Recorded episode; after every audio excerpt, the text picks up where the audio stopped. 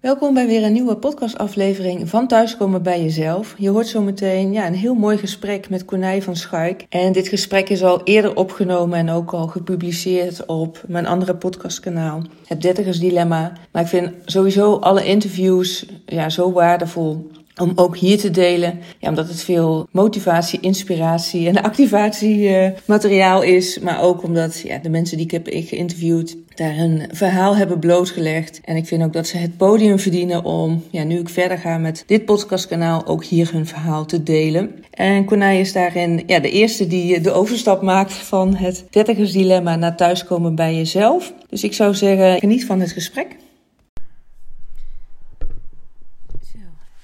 Nou, welkom bij uh, de, het eerste interview van de podcast uh, Dertigersdilemma. En ik zit hier met Cornij van Schaik. Ja, en eigenlijk de eerste vraag die ik altijd stel, ook al tijdens mijn eerste... Oh, daar komt er net iemand voorbij lopen met een stofzuiger. Het is wel heel grappig. Ik had er net met Cornet... Cornij vroeg net, knip je er wel eens dingen uit? Ik zeg, nou, nee, eigenlijk niet. We laten het gewoon lopen zoals het gaat. en dat is weer het afroepen over jezelf, een soort self-fulfilling prophecy. Dan komt er natuurlijk eerst wat uh, geluid uh, extra. Nou ja. Uh, ja, Cornij, misschien wil je als eerste even aangeven ja, wie je bent, maar ook vooral waar we zitten. Ja. Nou, ik ben Cornij van Schaik. Op dit moment ben ik personal trainer en heb ik hier samen met mijn collega Dennis onze health club.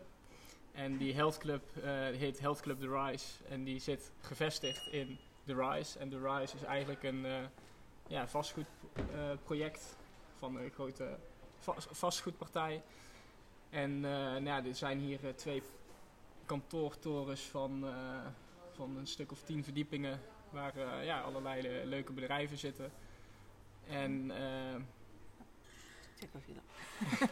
en we ja. zitten hier, uh, ja, op de eerste etage hebben wij een hele mooie, mooie gym. Die destijds door het vastgoedbedrijf is neergezet, maar waar, waar ik en mijn collega nou een, ja, een leuke PT-studio draaien. Ja. En, ja, je hebt me net even rondgeleid. Ziet ja. er allemaal heel mooi uit, met mooie apparatuur. En ook al plannen om nieuwe apparatuur aan te schaffen, vertelde je al. Ja. Ja, dus dat nou ja, is, is een mooi project uh, waar je echt je ei uh, in gevonden hebt. Hoe zeg je dat? Je draai in gevonden hebt qua werk. Ja, precies. Nou ja, we, uh, ja, dat is een beetje een vraag waar je dan begint. Maar uiteindelijk ben ik, ben ik toch een beetje op, de, op het pad terechtgekomen van, van sporten en goed voor jezelf zorgen, goede voeding. Ja. En in die route heb ik ergens besloten om personal training te gaan doen. Ja. Uh, de opleiding bedoel je dan? Ja, precies. En nou, ja, eigenlijk ben ik al begonnen voordat ik überhaupt de opleiding had gedaan. Maar ik kwam aardig goed weg met, met alles wat ik ja. aan de zelfstudie had gedaan. Ja, ik kan me nog herinneren, want je was heel erg bezig met sporten en trainen voor een triathlon. Ja. Dus dat zat er al eigenlijk al heel erg in. Ja. Terwijl Oh ja, misschien ook even voor de luisteraars hoe oud je bent. Want dat, ik ben 28. Ja, ja want om je even mee te nemen, nu ben je echt op je plek met de invulling geven aan het werk en de passie ja, die bij je past. Ja. Uh, maar hoe is dat begonnen met je Is dat iets wat je altijd al wist? Of, nou ja, je bent jong, je moet een keuze maken voor je studie. Ja. Hoe liep dat bij jou? Ja, dat, dat is een goeie. Uiteindelijk kom je toch weer op de plek terecht waar je denk ik uh, heen moet gaan. Ja, waar je een soort van bestemd voor bent. Ja. Alleen dat was wel een beetje met, uh, met een omweg. Althans, nou, ik heb, uh, op de middelbare school heb ik VWO gedaan. Dus dan zit je heel erg in het stramien van, nou ja, je gaat een uni universitaire studie doen. Ja, iets wat je van thuis uit meent. Je kan goed leren, dus ja. je gaat door met leren. Ja, en ja, als je dan VWO hebt gedaan, dan ga je, ga je natuurlijk geen HBO doen. Want ja, waarom? Dan heb je eigenlijk dat voor niks gehaald. Dus want dat dus, was wel uh, iets wat thuis gezegd werd, zeg, of dat kreeg je mee. Of had je, was dat ook je eigen overtuiging? Nou, ook wel een beetje eigen overtuiging. Maar ja, ik denk dat als je jong bent, dan je hebt toch een bepaalde opvoeding. En ja, wat er thuis gedacht wordt, daar conformeer je ook in een bepaalde zin aan. Ja. En nee, je bent natuurlijk wel een beetje als puber een beetje opstandig, maar het is ook wel een beetje een soort van een maatschappelijke gedachtegang, denk ik. Ja. En eigenlijk wist ik niet zo goed wat ik wilde gaan studeren. Want ik was, ik was wel altijd sportief. Ik had altijd getennist, gehockeyd. Eh, nou, op dat moment deed ik volgens mij nog geen hardlopen, maar ik vond het wel altijd Ja. leuk om fysiek bezig te zijn. En ook wel een sportieve familie, hè? Want je Ja. eh, zussen met zwemmen, weet ik nog ja, schoon. de eh, synchroon zwemmen allebei, ja. dat deed ze ook heel goed. Mijn moeder tennis. Ja. Ja, En, wandelen. Ja, precies. En fietsen, terug, fietsen. Ja. Maar dan wel gewoon op de tourfiets, geen, Ja. eh, geen racefiets of zo. Oh ja, en ik deed ook altijd skaten. Ik had inline skates, dus Oh ja. ik vond het ook wel gaaf om, eh, om dat te doen. Ehm, maar ik wist helemaal niet zo goed wat ik wilde gaan studeren. Dus ik ben, eh, ik ben op heel veel verschillende dingen geweest. Van landschapsarchitectuur tot eh, culturele antropologie. Oh, tot bij de marine ben ik ook Oh, ja? geweest in Den Helder. Om te kijken of je officier zou eh, kunnen en willen worden. Ja, precies. En nou ja, dat, dat leek me wel wat. Alleen, eh, Ja, er zit toch een beetje dat fysieke... eh, ja, maar het was ook wel ve- veel weg. Ja. ja. hoe zeg je dat? Uiteindelijk, ja, wat ik lastig vond, uiteindelijk vond ik ook, ja, je, je wordt ergens ingezet ja. met de politieke gedachte van, van wie dan het land bestuurt. Ja, En misschien conflicteert dat wel met wat je zelf eh, vindt. ja, je geeft je in die zin je vrijheid op. Je wordt gewoon Ja. eh, daar neergezet. Ja. Ehm, dus toen zei ik eigenlijk thuis van ja, ik wil eigenlijk gewoon een tussenjaar. Want dan wil ik uitvogelen wat ik wil gaan doen. Maar ja, dat werd natuurlijk ook niet eh, geaccepteerd, want dan raak je uit de studieflow. Oh ja, dat is wat je meekreeg van. Dus je eigenlijk zeg je ik wist ze- zelf niet goed wat ik wilde. Ik wil eigenlijk een jaar nemen om dat even op een rijtje te gaan zetten voor Ja. jezelf. En toen je dat deelde, kreeg je de boodschap mee van, nou ga toch maar studeren. Ja, ja, en dat heb, wat heb je toen gedaan? ja eh, studeren natuurlijk. Ja? Dus Ja. uiteindelijk ben ik, eh, ben ik naar Tilburg gegaan. Ja, ik moet, moet eerlijk zeggen, ik heb dat toen een beetje tactisch uitgezocht. Want ik wou eigenlijk wel op kamers. En het werd een beetje bedacht zo van, nou ja, weet je, je kan wel Nijmegen studeren en dan kan je op en neer reizen. Maar daar had ik eigenlijk niet zo'n zin in. Ik wou eigenlijk Ja. gewoon op kamers. Dus toen had ik een studie uitgezocht die me wel leuk leek. En die toevallig... Die niet in de buurt was. Ja, precies. Die toevallig alleen in Tilburg zat. Oh ja. Want het was eigenlijk HR en in eh, Tilburg heette dat dan personeelwetenschappen. Ja. En ja, dat was eigenlijk volgens mij de enige, zeg maar, relatief in de buurt waar je die opleiding kon doen. Dus toen ben ik op kamers gegaan en eh, toen ja, was ik eigenlijk eh,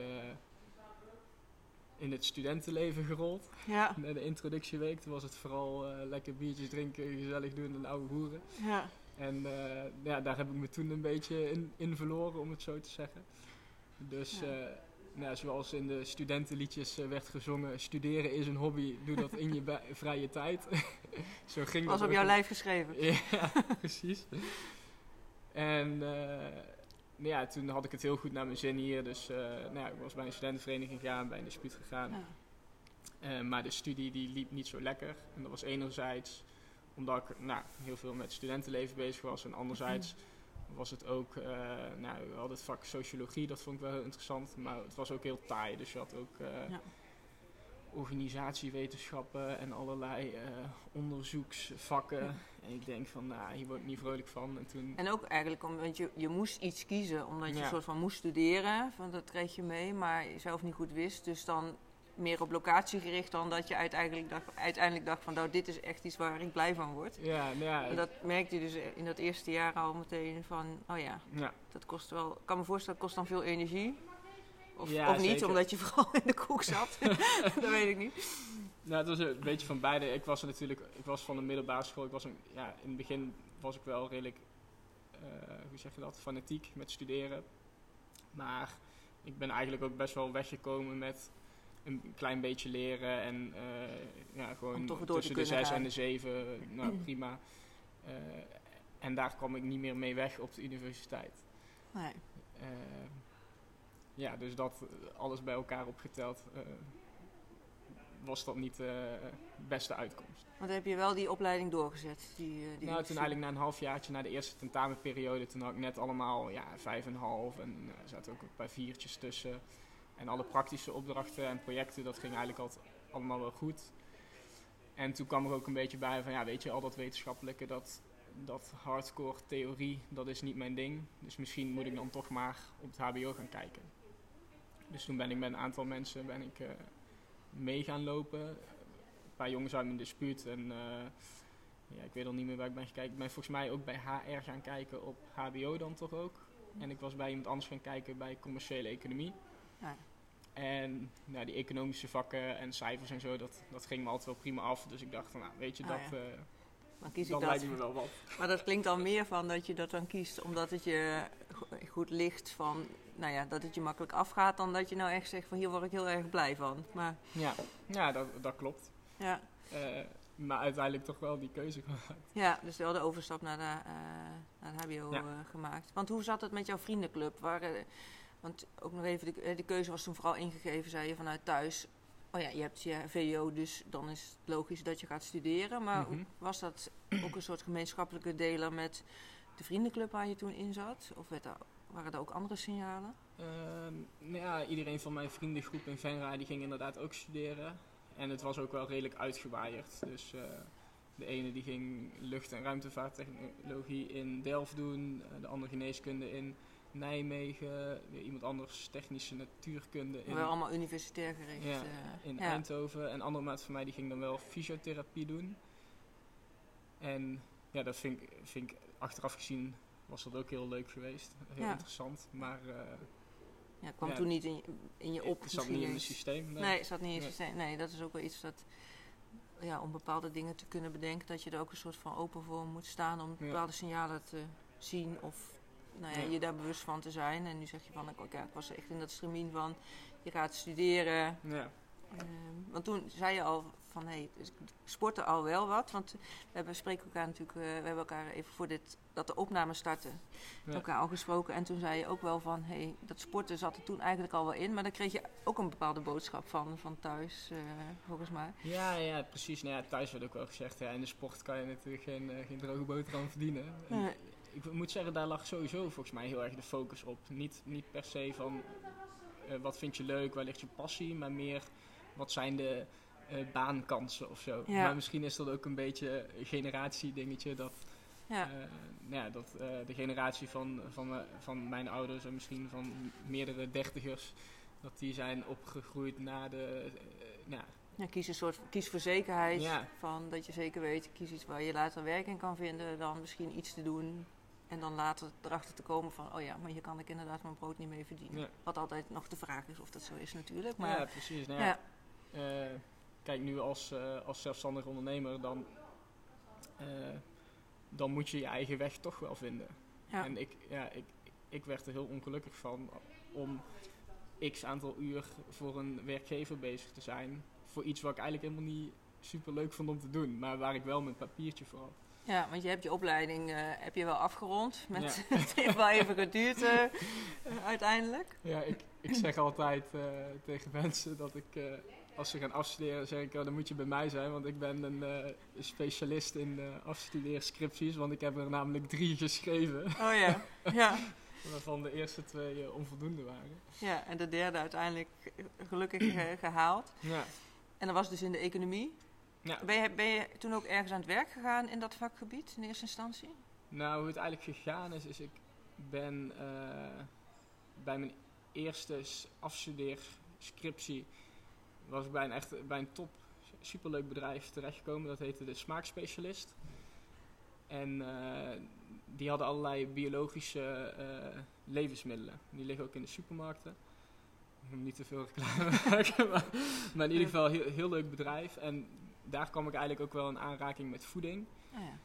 wat meer. En dan hadden ze, ja, hadden ze dingen als, eh als parelcouscous en parelgort. En ze hadden Dingen die je nog niet kende. steppengras en superfoods en dingen. En ik vond het echt super interessant, want ik was toen Daar kwam je toen voor het eerst mee in aanraking Ja, met dat met- soort met voedingsproducten. andere voedingsproducten. En nou, dan hadden we ook een collega en die was dan eh, vegetariër en de ander was veganist. En ik Ja, denk en jij van, met je studentenleven achtergrond, Ja. er zat niet, niet zoveel gezonde voeding bij misschien, weet ik niet hoor. Ik Nou, ik heb altijd, altijd goed gekookt en ook wel een beetje van thuis uit meegekregen. En ik was ook in het studentenhuis, was ik altijd degene die kookte. Oké. Maar daar ja, kreeg, voeding een andere dimensie. En ehm, ja, vanuit daar eh, die ervaring opgedaan. En ik mocht ook mee naar een beurs in Duitsland, de grootste eh, biologische beurs.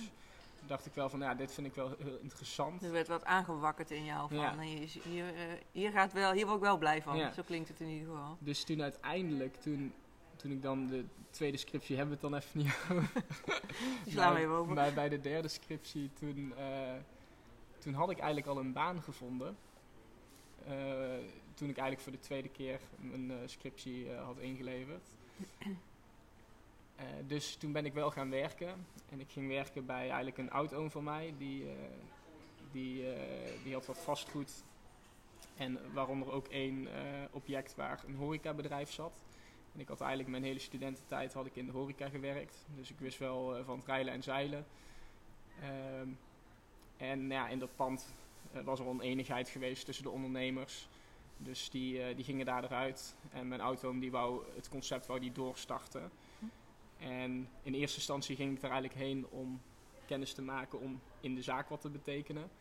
Maar ja, toen die begreep, nou, commerciële economie, dan kan die ook wel wat meer dan alleen Ah, eh, in de zaak ronddraaien. Dus uiteindelijk was ik een soort van eh, nou ja, bedrijfsleider op de achtergrond. Dus nou, Ja. de, de titel die ik kreeg was office manager. Maar ik deed, ja, ik was eigenlijk een beetje een manager van alles. Dus eh, ja, Dus, eh, en in de horeca, maar ook het rijlen en zeilen in de Ja, gaten houden precies. of aansturen. En Ja. uiteindelijk kwam er dan wel een echte horeca-manager bij. En dan ja, kon, zorgde ik ervoor dat hij alleen maar in de zaken aanwezig hoefde te zijn. En als er administratieve dingen waren of, of was er iemand ziek, dan, dan konden we elkaar een beetje helpen. Dus in die zin ja, was ik wel commercieel bezig.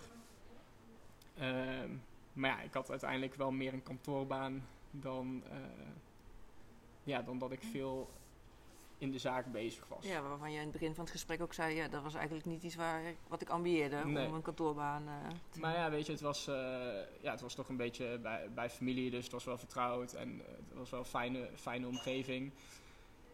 Maar ja, ik had toen gezegd van ja, weet je, ik begin gewoon met werken, maar ja, die scriptie die zat nog wel in mijn nek te Ah, ja, die derde. Dus toen, ja, inmiddels was ik al wat verder met, ja, met gezondheid en voeding bezig. Dus toen had ik het een beetje op de vegetarische en veganistische toer gegooid. Dus ik heb, Je eh, scriptie of, of je levenswijze? beide. Beide. Want ja. uiteindelijk eh, dacht ik van, nou weet je, wat, wat is nou leuk? En toen kwam ik bij een bedrijf uit en dat heet nu Green Food Lab. Ja, zo heette dat toen ook al. Alleen zij waren de initieerders van de Nationale Week Zonder Vlees. Ja. En toen heb ik eigenlijk een soort gewoon open sollicitatie gedaan van, hey, kan ik bij jullie een scriptie schrijven? En toen heb ik wel aangegeven van, nou, ik, eh, dit is de situatie. Ik, eh, ik wil geen stageuren maken, want daar schiet ik niks mee op. En ik had ook gewoon mijn baan. Het ging Eh, echt puur voor die opleiding, het afvinken eigenlijk van die scriptie. Maar dat je nu wel dacht oh ja, maar nu ga ik wel iets kiezen waar ik echt blij van word. In plaats van weer het moeten in een setting die je Ja. misschien helemaal niet, ja, niet leuk vindt. Dus, dus daar, daar had ik toen die, die keuze voor gemaakt. En dat ging eigenlijk heel goed. Dus ik, ik ben misschien twee of drie keer, want het staat in Amsterdam, ik ben twee of drie keer daar langs geweest. En de, de feedbackgesprekken en zo, die, eh, die deden we gewoon via de telefoon. En toen eh, was ik uiteindelijk met een 8 afgestudeerd. Ja, dat is wel een heel mooi voorbeeld, Ja. Cornel, wat je nu zegt van, dus als je dus iets doet waar je heel blij van wordt en je energie stroomt daarin, dat het dus je makkelijk afgaat. Ja. Terwijl als je dus iets soort van moet voor het afvinken en je zit op een plek waar je helemaal niet blij van wordt, dan kost het je mega veel energie en eh, nou ja, Ja. in dit geval lukte het ook niet. En nou ja, je had ook inmiddels wat ervaring opgedaan met Ja. scripties. maar wel dat je zegt, ik zit gewoon in een goede omgeving. eh, nou ja, ik heb hier mijn interesse, mijn passie. En dan stroomt het ook gewoon. Ja. Ja. Ja, dat was echt een groot verschil. Want uiteindelijk, eh, dat jaar daarvoor heb ik alleen, had ik alleen die scriptie. En toen heb ik daarna nog wel een be- daarnaast nog wel een beetje bijbaantje gewerkt. Maar nu had ik eigenlijk gewoon een fulltime baan. Ja, Dus had ik ook nog die scriptie erbij. En ik zit nou ook nog te denken of ik nog andere dingen erbij deed. Maar in ieder geval, eh, ik had veel meer op mijn bordje. Ja, Maar het lukte wel het ging, het- ja, Ja. dus het, het ging je makkelijker af eh, in die zin. Ja.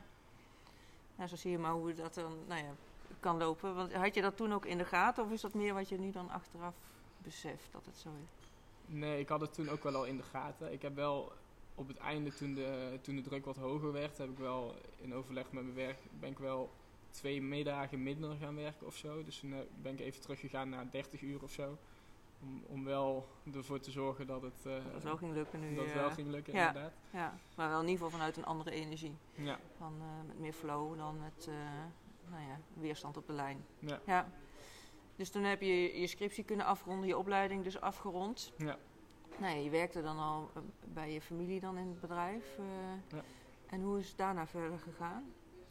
Nou, toen viel ik eigenlijk een beetje in het gat. Eh, ik denk dat meerdere mensen dat ook wel herkennen, een beetje het afstudeergat. Van oké, nou ben je afgestudeerd, je hebt je diploma en nu?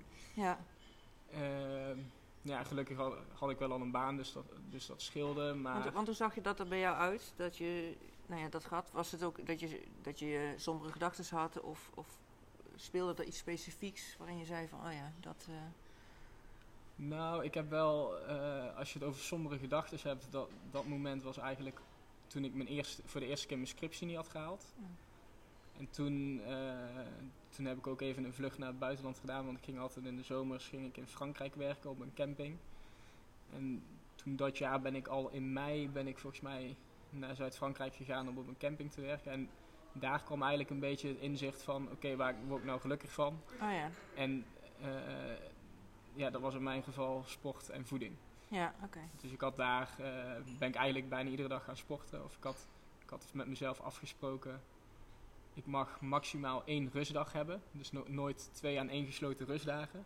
Dus het was altijd één dag sporten, de andere dag rust. Of misschien drie dagen sporten, dan een dag rust. Maar nooit twee dagen Want rust. wa- waar was dat voor? voor jou, eh?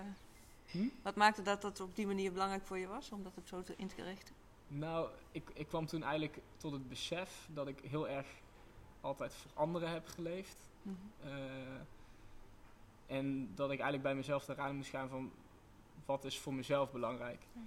En ik was wel met die voeding bezig en ik merkte dat dat heel veel goeds deed en het sporten eigenlijk ook wel.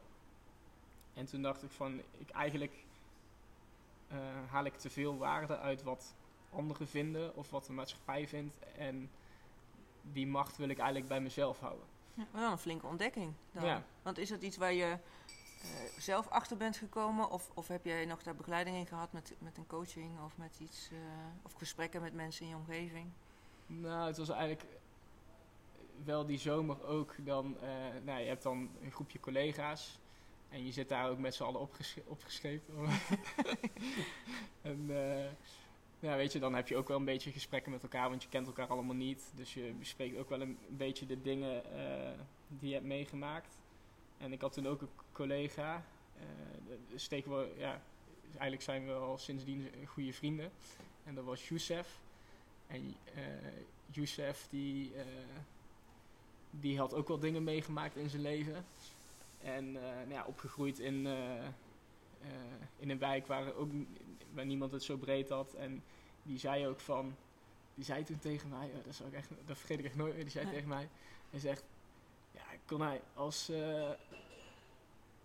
als iemand zeg maar bij ons in de omgeving, als die HAVO deed, dan werd hij al op handen gedragen. En dan dachten ze van, zo, die is, eh, die is goed en die Ja. heeft kansen. En dat soort dingen. En, en dan zegt hij, en jij, jij zit moeilijk te doen dat je je scriptie niet gehaald hebt. Weet je wel? Toen dacht ik van, oh ja, dat relativeert eh, Een heel ander het perspectief. Ja. Ja, Maar dat is dan toch omdat je in je eigen kring... eh, ja, je zit toch ook een beetje in een, in een bubbel met allemaal mensen die... ja, die HAVO VWO hebben gedaan en, en gaan studeren. ja, waarbij het eigenlijk een soort van normaal is dat Ja. je dat doet. Je valt bijna uit de boot als je daar niet in mee kan gaan. Terwijl als je voor Youssef dan spreekt, die, die Ja. an- een andere soort van waarheid, andere Ja. bubbel. Ja. andere, andere dingen meegemaakt. En ja, dat gaf wel, eh, gaf wel ook wel perspectief van, ja, weet je, eigenlijk, waar, waar, waar, waar maak ik me eigenlijk druk om? Ja. Maar En- wel dus de het belang om het in ieder geval wel met iemand te delen. Want door Ja, met elkaar zeker. over in gesprek te gaan, eh, kun je ook dat andere perspectief krijgen. Anders dan eh, blijf je in je eigen eh, kringetjes draaien, zeg maar. Ja. Dus dat was in ieder geval een belangrijk eh, moment voor je. Ja. ja. Dus daar ben je toen meer gaan sporten, dus wat je zei. Maximaal één rustdag. Omdat je, want je zei ook van ik wil... ik voel in ieder geval dat ik er meer voor de ander ben dan voor mezelf. Dus daar kwam ook een, een omslagpunt in. Ja, het- ik ging bij mezelf na van, waarom doet het me zoveel verdriet en pijn dat ik nou die scriptie niet heb gehaald? Oh ja. En het, het kwam ook wel, ja, het was ook echt heel naar gegaan, want het was mijn herkansing. En ik had er echt zo'n bittere nasmaak, omdat een van die, eh, een van die eh, hoe noem je dat? Beoordelaars. Dus, beoordelaars, inderdaad. Ja, dat was gewoon op, op gezeik, op gelul was het eigenlijk, vond ik ja, ook. ik voelde heel onterecht. Ik weet niet of als ik er nu zeg maar met objectief perspectief terug zou kijken, of ik dan nog, dat nog steeds zou vinden. Zo maar voelde dat in ieder geval. zo voelde ja. het in ieder geval. En toen dacht ik van ja, waarom geef ik iemand... eh, ja, het voelde een soort alsof ik mijn macht afgaf of zo. Of mijn eigen, eh, mijn eigen waarde of zo. Of dat bij anderen lag. En dan denk ik van ja, het is eigenwaarde. Waarom ligt dat bij iemand anders? En Ja. kan ik daar zelf niet iets mee, zeg maar. Ja, want waarom laat, de vraag die je zelf dan stelde was: waarom laat ik me hier zo door onderuit halen? Ja. Eigenlijk door een negatieve beoordeling van wat dan ook daar de reden van was. Maar dat het dusdanig effect op jou, nou ja, dat je erover na ging denken van waarom doet dit zoveel met mij? Ja. ja. En toen, daar ben je dan voor jezelf mee gaan worstelen of gaan, ik, ik noem worstelen, want ik- dat vul ik dan in. Of in ieder geval over na gaan denken, gaan voelen hoe dat dan, de betekenisgeving daarachter. Ja, nou, ik, denk, ik weet niet of dat op. Dat is eigenlijk een beetje hoe ik het nou terug redeneer ook wel. En ik ben, ik weet niet of ik op dat moment daar heel bewust van was. Maar dat is wel een proces geweest, zeg maar. Mhm.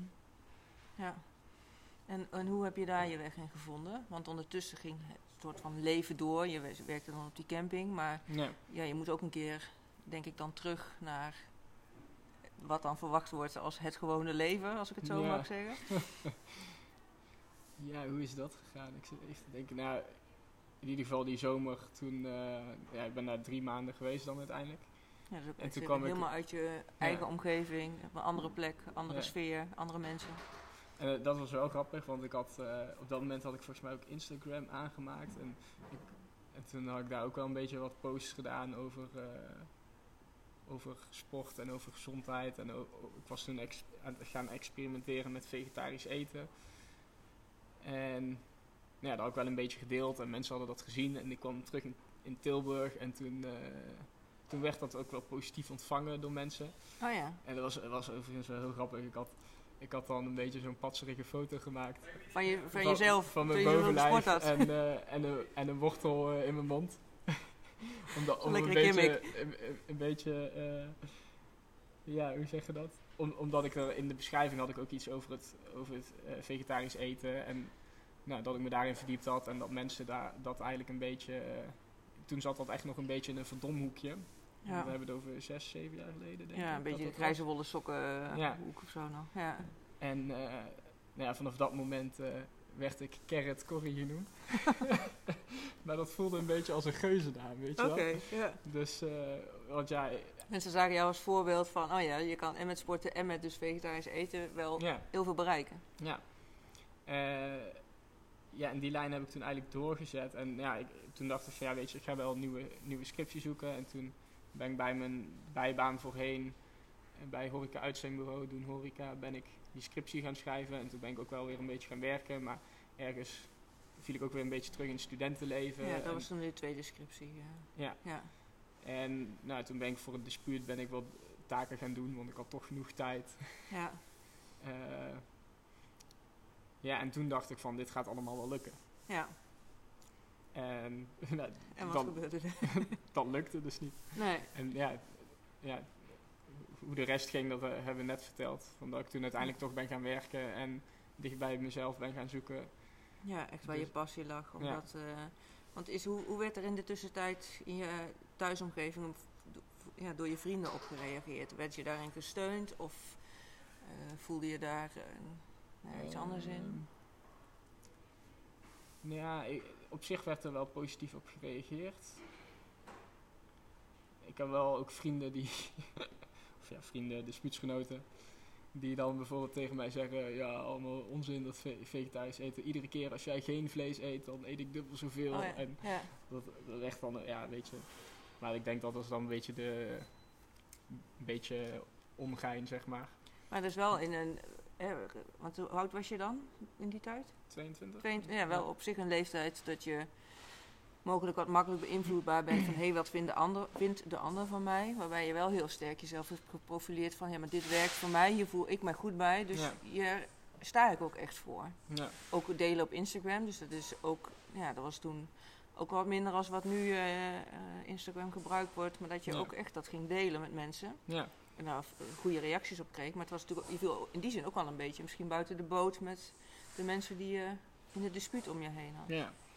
Ja, dat klopt ook wel. Dat is, eh, daar worstel ik overigens nog steeds wel eens mee hoor, met hoe ik over dingen denk en hoe, eh, hoe anderen daarin denken.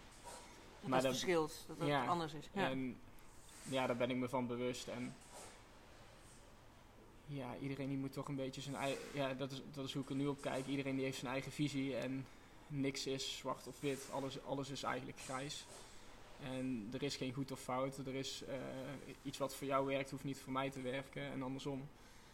Ehm, dus ja, op dat moment Heel had ik zoiets van: eh, ik doe gewoon mijn eigen ding. En ja, ik zie wel hoe het gaat. Ja, maar dat is wel het verschil met waar je voorheen zei van nou, ik ga die studie doen, want dat wordt van me verwacht. Of dat wordt nou, hè, voor me gezegd dat dat de route is. Ook al dacht je toen van ja, eigenlijk voelt het voor mij niet zo goed. Ik weet ook niet zo goed wat ik wil. Ging je daar toch in mee? En dat Ja. je punt later komt van oh ja, maar nu voel ik heel goed waar wel mijn passie ligt. En om daar dus ook echt voor gaan te staan. Ja, Dus in die, ja, ben je in een paar jaar tijd wel een verandering doorgegaan. Een transformatie in die zin. Dus dat... ehm, ja, dat is een beetje toch een soort van teruggekomen tot je eigen kern. En dat je eerst niet zo goed weet waar je, waar je kern misschien zit. Maar doordat je op je bek gaat, er toch over na gaat denken en eh, ja, Ja. Tot, tot deze verandering dan komt. Ja, en dus uiteindelijk ook dat de, de dingen op je pad komen. Want het begonnen we ook mee van dat je zei, ja, eigenlijk doe ik nu het werk met het sporten en, en het mensen coachen met de personal training. Dat je toch op het pad uiteindelijk komt wat voor jou bedoeld is. Eh, Ja. Zoiets zei je, uh, ik. Ja, en dat, dan eh, gaan we weer een beetje fast forward naar toen ik wel afgestudeerd was. En, en de afstudeerdip, zeg maar, die ik niet per se had. Maar ik had wel zoiets van, eh, ja, en nu? Ja, Want eigenlijk, ja, je hebt je middelbare school, daar ben je mee bezig. Je hebt je eindexamen, dan ga je studeren, je hebt je scriptie gehaald. En ja, dus dan allemaal heb je toewerken eigen- naar een soort van ja, de toekomst, het volwassen leven. Want Ja. dan begint het, het leven, ja. ja, en toen dacht ik van, nou, ik heb, ik heb een nieuwe uitdaging nodig of zo. Iets wat me verder gaat ontwikkelen. Want daar was ik wel naar op zoek. En ik had me toen, eh, toen was ik met sporten aan de slag gegaan. En toen had ik me voorgenomen om een triathlon te gaan doen. ja. Want Ja, en dan even voor de, een volledige triathlon, hè? Niet, niet eh, een achtste of een, de- eh, weet ik veel wat, een halve of zo, maar... Nou, het wa- was eigenlijk zo, ja, het klinkt misschien heel stom, maar een, een achterneef van mij, die had een marathon had die gedaan. En toen dacht ik wel van, wow, dit is echt ziek, een marathon. Hoe, hoe doe je dat? En toen ging ik zo kijken en dacht van, ja, eigenlijk lopen best veel mensen een marathon. En toen dacht ik, is te weinig uitdaging. dus toen dacht ik, ik wil gewoon iets, iets doen. Ook omdat ik in dat, ja, nu, nu herinner ik het weer een beetje, ook omdat ik in dat eh, vegetarische, veganistische eten zat. Ja, Dat ik dacht van, ik voel me hier zo goed bij, dat wil ik laten zien. Dus ik wil eigenlijk iets doen wat zo insane is dat mensen zeggen, wow, hij doet dat. Terwijl Ja. dat hij geen dierlijke dingen eet, hoe kan dat? Weet je ja, wel? ah, ja. Dat, echt dat was eigenlijk voorbeeld voor mijn, anderen eh, eh, willen zijn. ja, Ja, en nou, terwijl dat ik daarmee bezig was, had je ook die documentaire Game Changers. Die staan Netflix, op. Netflix. Eh, en dat was eigenlijk mijn gedachtegang, dat ik Ja. zoiets wilde doen. Alleen Ja. ja, toen werd het al, een beetje, daar hadden meer mensen zo over nagedacht. Maar ja, op zich daar moet je, moest je dan wel al echt mee in aanraking komen. Want niet iedereen zoekt per se zo'n documentaire. Nee, dus ik kan ja, me wel voorstellen als jij dat gaat delen op Instagram, dat je wel mensen bereikt Ja, zeker. eh, zeker. die a- dat anders niet zouden hebben geweten. Ja. Maar, En toen is het eigenlijk heel grappig gegaan, want toen was ik daarvoor aan het trainen. En ik ging iedere ochtend eh, ging ik van 7 tot 8 ging naar de sportschool hier in het centrum in Tilburg. En daar eh, nou, ging ik gewoon mijn, training doen. En ja, het was altijd wel grappig, want op een gegeven moment als je daar dagelijks komt, nou, mensen vaste patronen, dus een beetje dezelfde mensen altijd aan het trainen. En je maakt wel eens een praatje. En toen op een gegeven moment toen kwam, er, eh, kwam er een man naar me toe en die zegt, eh, ja, sorry, mag ik wat vragen? Want ik zie dat je hier altijd zo, zo lekker bezig bent. En eh, nou ja, ik ben nou ook al een, eh, een tijd aan het trainen. Alleen ik merk eigenlijk niet zo'n vooruitgang. Oh, ja. eh, heb jij misschien tips of kan je misschien een soort helpen? van uitnodiging om Ja. iemand daarin te begeleiden. Ja.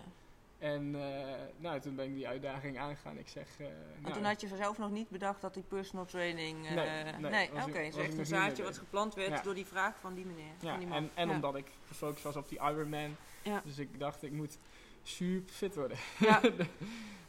dus, eh, nou, dus ik eh gezegd van, nou, dat is goed. Dus eh, ik ben naar huis gegaan, nou, een beetje een trainingsschemaatje gemaakt. Ook een beetje gekeken wat hij kon. Ja, maar En, dan moest je allemaal uitzoeken, want had je nog niet Ja. een achtergrond in. Of voor jezelf dan wel, maar niet om het voor iemand anders te doen. Precies. Ja. Dus nou ja, weet je wel, de, een beetje de, de standaard dingetjes uitgepakt. En ik had die zomer in Frankrijk had ik ook geen sportschool. Dus ik deed eigenlijk heel veel op, op lichaamsgewicht. Wat eigenlijk perfect is om, eh, om mee te beginnen. Dus er zijn dan heel veel, eh, voor de luisteraars, heel veel squats. eh, heel veel burpees. Oh ja. ja, leg raises, eh, jackknives, Ja, oefeningen sprintjes, springen. dus, dus ook in die richting, ja, de, de beste man die, die ging eigenlijk alle apparaten af. En heel veel apparaten nou, zijn prima, maar het zijn heel veel isolatieoefeningen. Dus je, het is specifiek voor een specifieke sp- spiergroep. Ja. En je incorporeert eigenlijk niet die spieren. Dus het is wel goed om, eh, om, om te trainen. Maar je zou eigenlijk altijd nog oefeningen erbij moeten doen. Om ja, je hele lichaam met elkaar samen te laten werken. Ja. Dat was iets waarvan je zelf al bewust Ja. van was. Ja. Ja. Dus toen heb ik hem eigenlijk een beetje op oefeningen gezet die ik die zomer ook had gedaan. En eh nou ja, hij wou ook wat afvallen. Dus, dus het was allemaal best wel intensief. En nou, dat ging eigenlijk best wel goed, want hij haalde al best wel snel resultaat. ja, dus hij merkte verbetering. En eh, in- inmiddels leerde ik die, die man leerde ik ook iets beter kennen. En eh, nou ja, uiteindelijk bleek dat hij zijn eigen eh, juristenkantoor had. En toen kwam eigenlijk de vraag, hij zegt van ja, weet je, wat je, wat je met me doet, dat, dat bevalt heel goed. Hij zegt, nou, ik heb eigenlijk juristenkantoor. En eh, nou ja, ik zou eigenlijk leuk vinden als je misschien die ook al enthousiast kan maken om, eh, Ja, om want ik kan me voorstellen, tenminste dat is mijn beleving met juristen, zitten veel op kantoor. ja, Lange, lange dagen, misschien wel avonden eh waarin ze moeten werken. Ja, minder tijd voor beweging of misschien wel voeding. Ja. Dus, dus ja, qua houding, nou, je hebt voor iedereen die een kantoorbaan heeft, nou, de, de nek, schouders en onderrugklachten, die, die, die regenen binnen, zeg maar. ja. Dus ja, toen, op dat moment had, ik- had ik dus ook nog helemaal geen papiertje of wat dan ook. Maar ik zei eh, van, nou, dat is prima. Ik zeg, maar ja, Dus je durfde dat ook wel aan te gaan. Want dat moet, ja, Ja. je- had ook kunnen zeggen, ja, ik heb die opleiding niet, dus laat maar. Maar iets in jou zei, of tenminste, kwam tot van, Ja. ja, dit ga ik gewoon doen. Ja. Want is het nog een overweging geweest om het niet te doen? Of was het eigenlijk voor jou snel duidelijk van, dit ga ik gewoon doen? Nou, het was eigenlijk wel grappig, want ehm, het was niet alleen die trainingen geven, maar het was ook, ik, was, ik had ook verteld van de Ironman en hij, nou, ik zei van, nou, ik heb wel wat hiaten op de weg. Want ja, ik, eh, ik, ik heb helemaal, helemaal geen ervaring, dus eh, ik heb ook niet eens een racefiets. Nou, zo'n fiets is ook wel duur, dus, Ja. dus uiteindelijk hadden we het ook in een soort van eh, sponsorcontract Ah, oké. Ja. Ge- gefietst, waarin eh, nou ja, zij dan Gefietst, leuke woord. ja. Waarin ik dan ook nog, eh, nog andere diensten deed. Dus als mensen eh, misschien iets van voedingscoaching nodig hadden. Of, of ze waren toen ook een beetje bezig op Instagram. Dus toen zei ik van nou weet je dan kunnen we het op die manier doen. Dat, dat ik ook nog wat andere diensten doe. En dan Ja. daarmee dan ook de, de fiets terug verdien zeg maar. Ja, oké. Dus we kwamen samen tot een overeenkomst dat voor beide partijen goed werkte. Ja. Ja. Ehm, Niet de Ja, gebruikelijke gang waarop je denkt van, hé, hey, je doet je opleiding en je komt ergens. Maar Ja. het is achteraf gezien, wat Steve Jobs ook wel zei, connecting the dots. ja. Je komt er op die sportschool iemand tegen, je, die vraagt iets aan jou en zo gaat dat balletje rollen. Ja. En, eh, Ja, en ik weet niet of toen ook een van de voorwaarden was van, nou, misschien moet je dan toch wel een opleiding gaan volgen. Maar dat, eh, die, die keuze die volgde best wel snel. En nou ja, op werk, toen was het ook wel te regelen. Want uiteindelijk hadden we, de, hadden we twee dagen, de dinsdag en de donderdag. eh, aan het eind van de middag, aansluitend aan werktijd. je zat toen nog in dat horecabedrijf Ja. van je familie. Ja. Eh, dus ja, dat kon wel. Dus ik kon regelen dat ik eh na 36 uur ging volgens mij. Dus dat ik die middagen eerder naar huis ging. En ja, zo begon het een beetje te lopen. Ja, Dus toen... dus dat is zeg maar het zaadje van, nou ja, even het bruggetje naar wat je nu doet met Ja. de personal training en Ja. eh, het coachen van mensen met, op sportgebied, maar ook voeding. Ja. Dat je zegt, eigenlijk ben ik mijn hart gaan volgen door, omdat ik zelf zo getriggerd was en me goed voelde bij dat sporten en dat eten. Je hebt jezelf ook uitgedaagd van met die Ironman, Ja. die, eh, die, die triathlon van... eh, nou ja, ik ga mensen laten zien dat met vegetarisch-veganistische voeding in combinatie met sporten dat het kan. Ja. Nou, dat werd opgepikt door mensen, die, die man die dat zag en jou dan weer daarin mee heeft genomen. Dus, nou ja, nogmaals, zo zie je maar dat Nee. die van, dit had je op, op, op de, eh, ik noem wat, op de basisschool niet kunnen bedenken Nee, dat nee, dit je pas zou zijn. eh. Ja, en wat, wat overigens wel leuk is, die man, eh, Jos, dat is, dat is nou gewoon echt een goede maat voor mij. En op dit moment ben ik hem aan het voorbereiden om ook een Ironman te oh, gaan echt waar? Een Ja, volledige ook? een halve. Oh, een halve. Oké, halve. ja, dan nog, ja. Dus, dus dan is het circus ook weer om. Dus Ja. dat, dat is ook wel weer eh, heel leuk dat, dat, dat ik dat nou mag gaan doen. Ja, om Ja. hem daarin te coachen en te bereiden. Dus van in, in eerste instantie helpen van hey, hoe kan ik meer profijt hebben van mijn standaard oefeningen. Dat Ja. werd een heel programma en nu zelfs een halve Ironman. Ja. Ja. ja. En dan ook nog even vast forward naar, want je bent weggegaan bij, die, eh, bij dat horecabedrijf. Ja. Op een gegeven moment heb je een, Ja, op een gegeven moment toen had ik die eh, opleiding gedaan. En nou, ja, die had ik goed afgerond. En nou ja, via die opleiding, dus dat is ook weer grappig, leer je ook weer mensen kennen. ja, En zo zat er ook een dame, eh, Petra, en die werkte bij Enforce. En Enforce was een eh, high-end personal trainingsbedrijf. En eh, via haar kreeg ik op een gegeven moment een berichtje van... Hey eh, wij zoeken eigenlijk nog een collega in, in Tilburg. Is dat misschien iets voor jou? Dus toen ben ik daar in eh, gesprek gegaan. En dat klikte eigenlijk wel goed. En toen kon ik daar eh, in loondienst gaan. En toen heb ik op een gegeven moment de, de knoop kunnen doorhakken om van een beetje erbij te doen naar volledig eh, Ja. kunnen werken. ja, dus heb En- je je baan in de horeca kunnen Ja. opzeggen. En dan moet ik wel zeggen dat op een gegeven moment werd het ook een beetje onhoudbaar, vond ik, in, de- in de horeca. Want het was ook tijdens corona. En ja, ik werd er helemaal, helemaal gek van. Überhaupt de hele Oh. hysteriek. Ja, ik heb, ik heb me er mening over. Dus Ja. over hoe het toen allemaal gegaan is. Maar ja, voor de horeca was het natuurlijk ook echt, eh En het is echt ook een tijd dicht moeten gaan nog. En Ja. ja, er was, er was voor mij niet zo heel veel te doen. Behalve allemaal kijken wat de overheidsregelingen en subsidies en we- weet ik veel wat allemaal was. Nou ja, daar werd je niet, niet vrolijk van. Je wil gewoon bij een bedrijf werken wat, wat loopt en eh, waar je van meerwaarde kon zijn. Ja. En dat was ik op dat moment ook wel, maar niet op de manier. Nee, het was meer een soort van eh, overlevings... eh, Ja. Zoeken naar overlevingsmogelijkheden dan echt... Ja, Dus dat er bij de horeca misschien wel leuk was om te doen, maar niet waar je hart nou heel erg veel, als, heel erg veel sneller van ging slaan. Als ik dat vergelijk met hoe je het vertelt, ja. hoe, je, ja, hoe je die personal training Ja. bent gaan doen. En moet ik zeggen, met de horeca heb ik toen ook wel eens.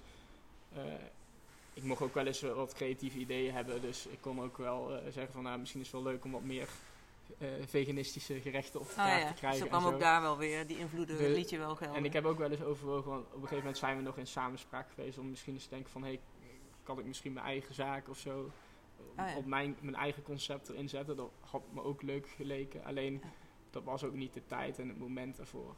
Nee, en Dus, toen eh, ondertussen liep het, dat pad, zeg maar, met die man die je tegenkwam van, eh, van dat sporten, waardoor dit soort van uitgegroeid is Ja. naar waar je nu staat. eh. Ja. ja. En dan nog even, eh, dus ik denk dat dat bijna het laatste sprongetje is in ieder geval in je carrièrepad. Want toen in eerste instantie zat je in loondienst Ja. bij een sportgebeuren, Ja, zeg Ja. maar, hoe noem je dat? Nu ben ben je zelfstandig ondernemer. Ja. Dus daar, zit, daar is ook nog een ontwikkeling geweest. dat is ook nog een ontwikkeling geweest inderdaad. Nou ja, weet je, ik... ik je had- bent pas 28. ja. ja, ja, weet je, de ene is, eh, die begint misschien als hij student is nog en de ander komt later. En eh nou, Ja. jij zelf eh, begint nu eh, ja, met klopt, je ik ben eigen 44. coaching. Ja. Dus eh, iedereen heeft zijn eigen tijdspad. En bij mij was het tijdspad zo, nou, ja, ik had wel al mijn ZZP-status, zeg maar, omdat ik al die, die bootcamps gaf. En dat deed ik er overigens nog steeds naast. Dat was ook wel de afspraak die ik had toen met mijn, eh, met mijn baas. En ook wel met de gedachte, eh, hoe zeg je dat, om dat misschien ook een keer samen te, samen te trekken, dat ik dat in zou brengen of zo. Alleen, eh, toen ben ik eigenlijk ook nog via een oude stagebegeleidster, waar ik destijds voor mijn opleiding wat stageuren kon draaien, ben ik via, bij mijn nieuwe collega Dennis terechtgekomen. Ja, waar je nu mee werkt, hè? Waar ik nu ja. mee werk. En nou ja, daar ben ik toen eigenlijk ook een beetje een samenwerking mee gestart. En die uh, samenwerking heeft er ook een beetje toe geleid dat ik op een ander pad kwam. Want ik heb op een gegeven moment, had ik je net al verteld, had ik de keuze van, nou ja, weet je, uh, het bedrijf waar ik werkte, die vroeg eigenlijk van, nou, wil je misschien ook bij het bedrijf erbij ja, dan komen kon je franchise, en, en franchise nemen ja. worden? Of of op een andere pad. Ja, met Dennis. Met mijn ja. Dennis, waar ik toen ook al voor werkte, om daar misschien die kant op te gaan. En nou ja, hij, hij was zelf, zat hij al ruim tien jaar in het vak en is ooit, ooit begonnen met een Fit 20 studio. Ja. Wat ook een franchise formule is. En eigenlijk door met hem ook een beetje te sparren van, ja, wat wil je, wat bieden ze, uh, wat kost dat. Uh, ja, voel je je daar prettig mee? Toch een beetje gaan denken van, nou weet je, ik, ik vond het een heel tof bedrijf. Toffe franchise formule, hele leuke mensen, ja, gepassioneerd, ook wel high-end. Dus ja, dus ergens van, past het wel bij je. Het, het maar Dennis stelde wel. wel. een paar vragen aan jou waarvan je ging kijken, oh ja, ja. ging overwegen wat, wat past het beste dan. Uh... Ja. En nou ja, eigenlijk door het klantenbestand wat ik toen eigenlijk al op mijn eigen zelfstandige basis had, uh, in combinatie met wat, uh, wat ik erbij kon doen via Dennis, dacht ik van ja, weet je, als ik nu de keuze maak om te zeggen ik ga gewoon volledig voor mezelf, dan ja, dan kan ik dat gewoon trekken qua inkomen. Ja. Dus waarom zou ik dan die moeilijke keuze maken om voor die franchise te gaan? En op dat moment was er ook veel onzekerheid, want het was nog een beetje corona, corona ja. en die overheid die een beetje gek in hun hoofd. Uh, ja.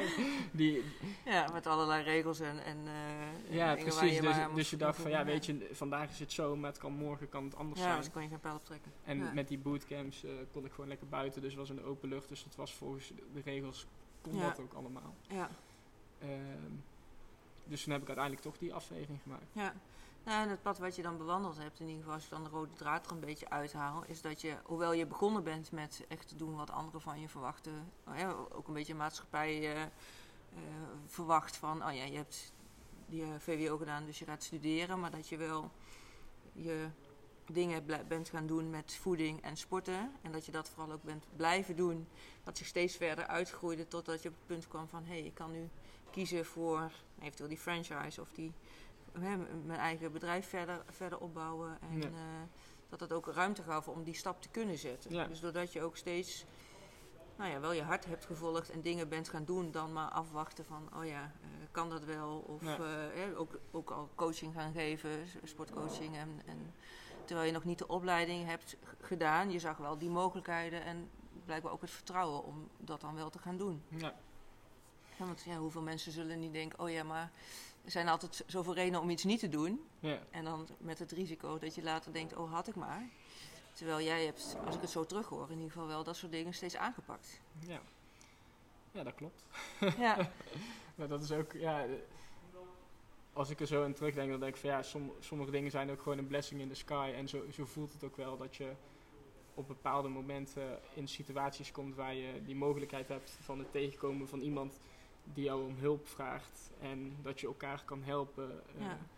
En dat je ook weer via via iemand anders tegenkomt ja. die ook weer andere zaken van het spectrum laat zien. En dat je dan toch je eigen keuze kan maken van hé, hey, wat ga ik doen? Nou, en dus wel een keuze maakt om het te gaan doen. Dus, Ja. hè, want je, veel mensen zullen voor het soort van veilige kiezen van, oh ja, maar die opleiding heb ik nog niet. Misschien moet ik dan wel eerst die opleiding gaan doen en Ja. dan pas die coaching ingaan. Je hebt steeds wel gezegd van, oh ja, maar dit voelt heel goed bij mij, dus dit ga ik gewoon nu doen. En dan komt dat later wel, bijvoorbeeld die opleiding. Ja, misschien is het ook wel een beetje de praktische instelling die ik heb.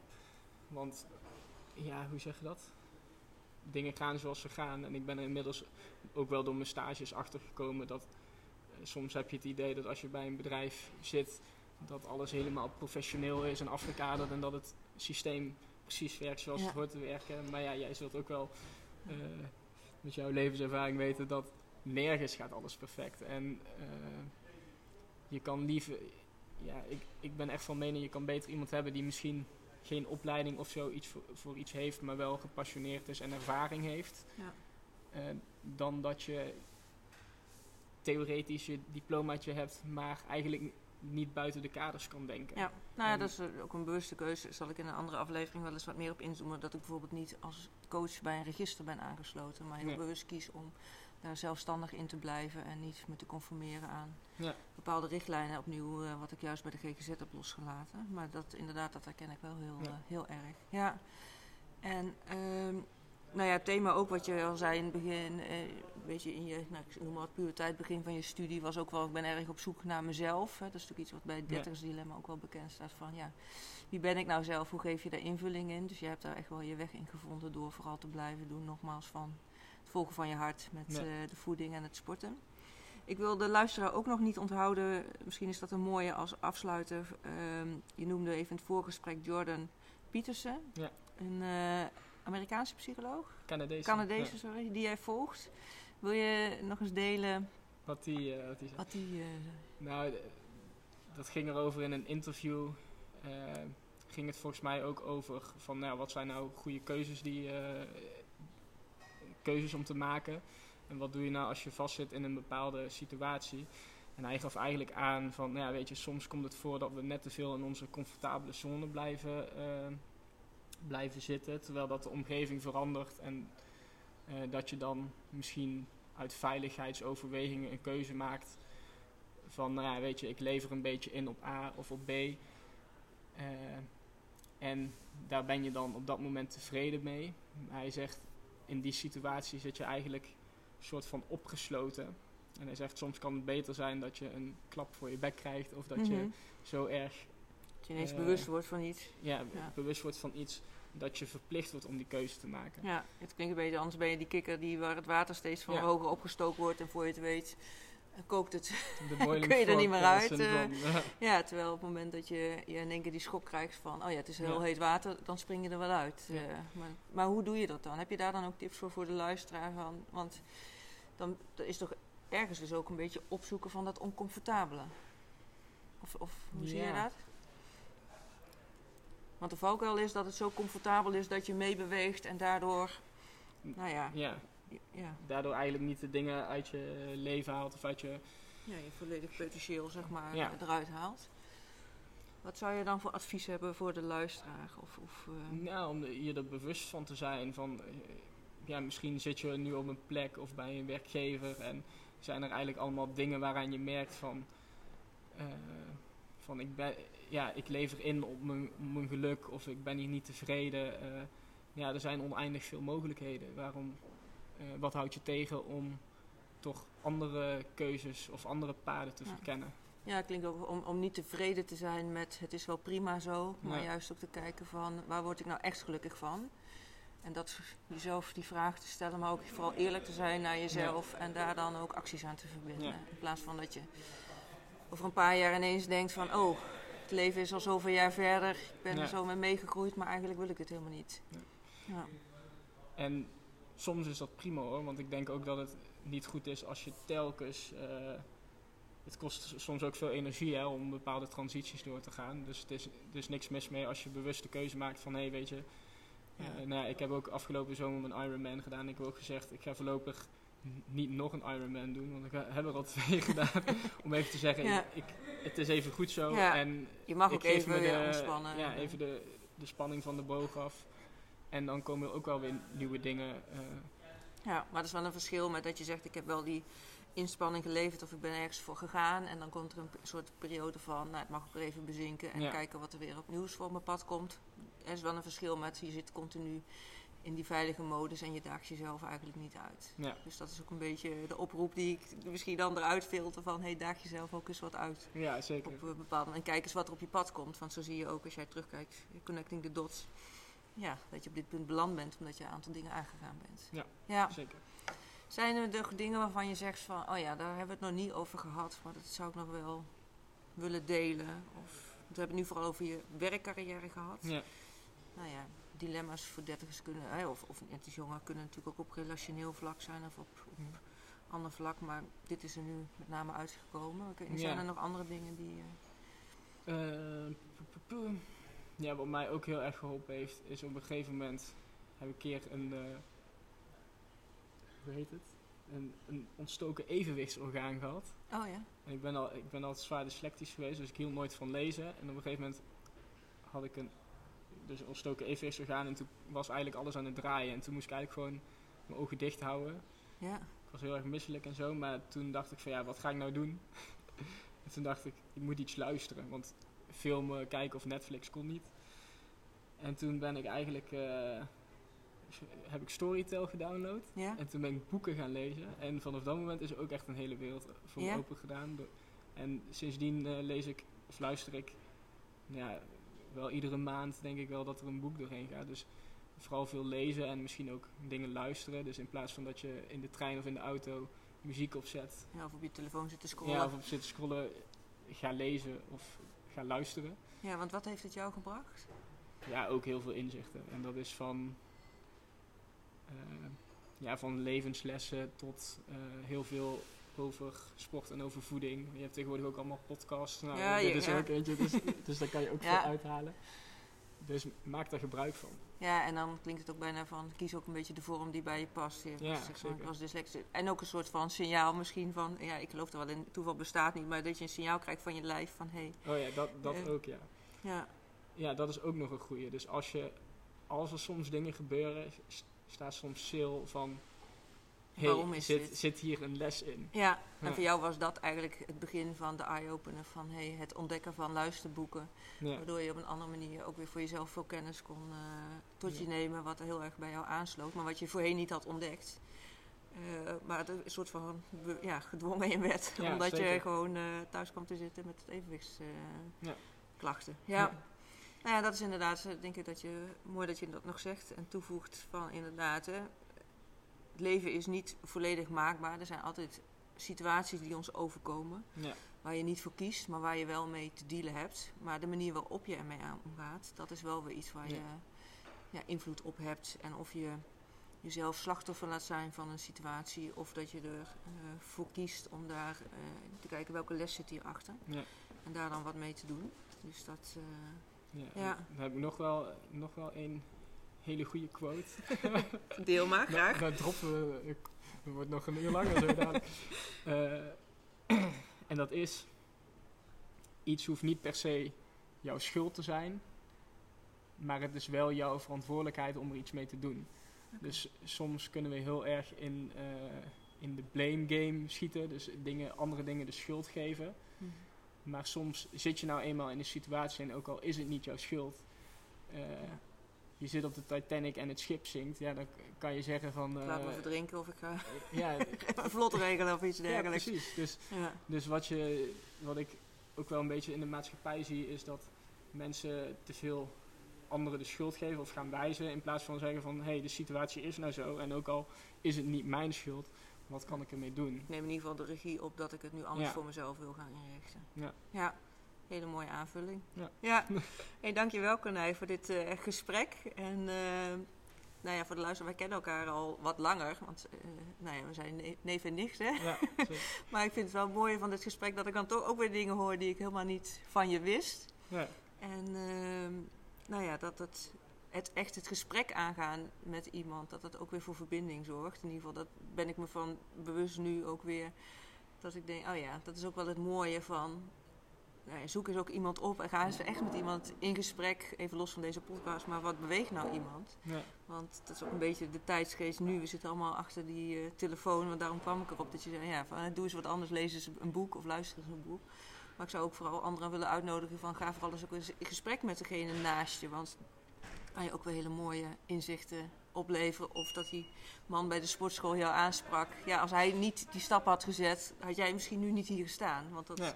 weet je, dat Klopt. kan het ook zijn. Ja. Dus ja, stel jezelf ook open om bepaalde dingen aan te gaan. Bepaalde gesprekken, mensen, nou ja, wat dan ook. Want je weet soms gewoon niet hoe eh, het leven gaat lopen. Wat het eh, allemaal kan, eh, kan brengen. Welke deuren ervoor open gaan. Dus nou ja, dan wil ik die zelf nog even aan de luisteraar meegeven. Dan ga ik het nu hier afronden. Dankjewel voor het luisteren allemaal. En eh, nou, net eh, 59 minuten. En, Ja, eh, ja. eh, dus heel mooi. eh, ik zei het duurt ongeveer een uur. Ja. Dankjewel voor het luisteren mensen. En eh, ik spreek jullie in de volgende aflevering. Wat mooi dat je tot het einde gekomen bent om dit gesprek te luisteren. Ja, je hoort al dat Konij aardig wat omzwervingen heeft gemaakt om te komen waar die nu staat. En dat het vooral erom gaat ja, dat je doet waar je energie van krijgt. En dat je van tevoren niet altijd kan zeggen waar het je gaat brengen. Maar dat het ja, eigenlijk vooral heel belangrijk is dat je iets gaat doen, een stap gaat zetten. En van daaruit komen er weer andere dingen, andere mensen, andere situaties op je pad. Ja, die daar weer verder invulling aan geven aan hoe jouw leven verloopt. Mocht je nou Konijn nog willen spreken, vragen hebben, laat het eh, ons weten. Ik zal in de show notes de gegevens van Konij zetten, zodat je hem kan eh, bereiken en benaderen. Eh, laat vooral ook op social media weten wat je van deze aflevering vindt, wat je eruit haalt. Vinden we allebei erg leuk om ja, terug te horen. En mocht je nou iemand kennen waarvan je denkt van hé, hey, dit is wel een belangrijke podcast om te luisteren. Zet hem vooral door. Ja, hoe meer mensen we kunnen bereiken, hoe mooier het is natuurlijk. Heb je nou zelf ja, de kriebels om met jezelf aan de gang te gaan? En ben je ook echt veranderingsbereid? Je hoeft nu niet gelijk te zeggen van ik zeg mijn baan op. Maar dat je in ieder geval bereid bent om ja, te onderzoeken waar je nu staat. Stappen te gaan zetten. Dat het anders mag. In plaats van vast te houden aan oude conditioneringen, oude patronen, oude gewoontes gebruiken, nou ja, noem maar op. Dan ja, zou ik zeggen, neem vooral contact met me op. Stuur me een DM of mail naar info.sbkl.nl. Dan maken we kennis en dan ja, zoomen we in op jouw persoonlijke situatie en schets ik het perspectief wat ik voor je zie. En ja, kunnen we samen kijken wat van mijn coachtraject het beste bij je past. En natuurlijk is alles geheel vrijblijvend. Je zit nergens aan vast. En behalve misschien dat je zo getriggerd wordt en geraakt wordt dat je geen weg terug meer wilt. Ik maak graag kennis met je. Uh, dus ik kijk uit naar je berichtje. Ik zou zeggen tot snel. Ik wens je voor nu een hele fijne dag en een heel mooi leven toe.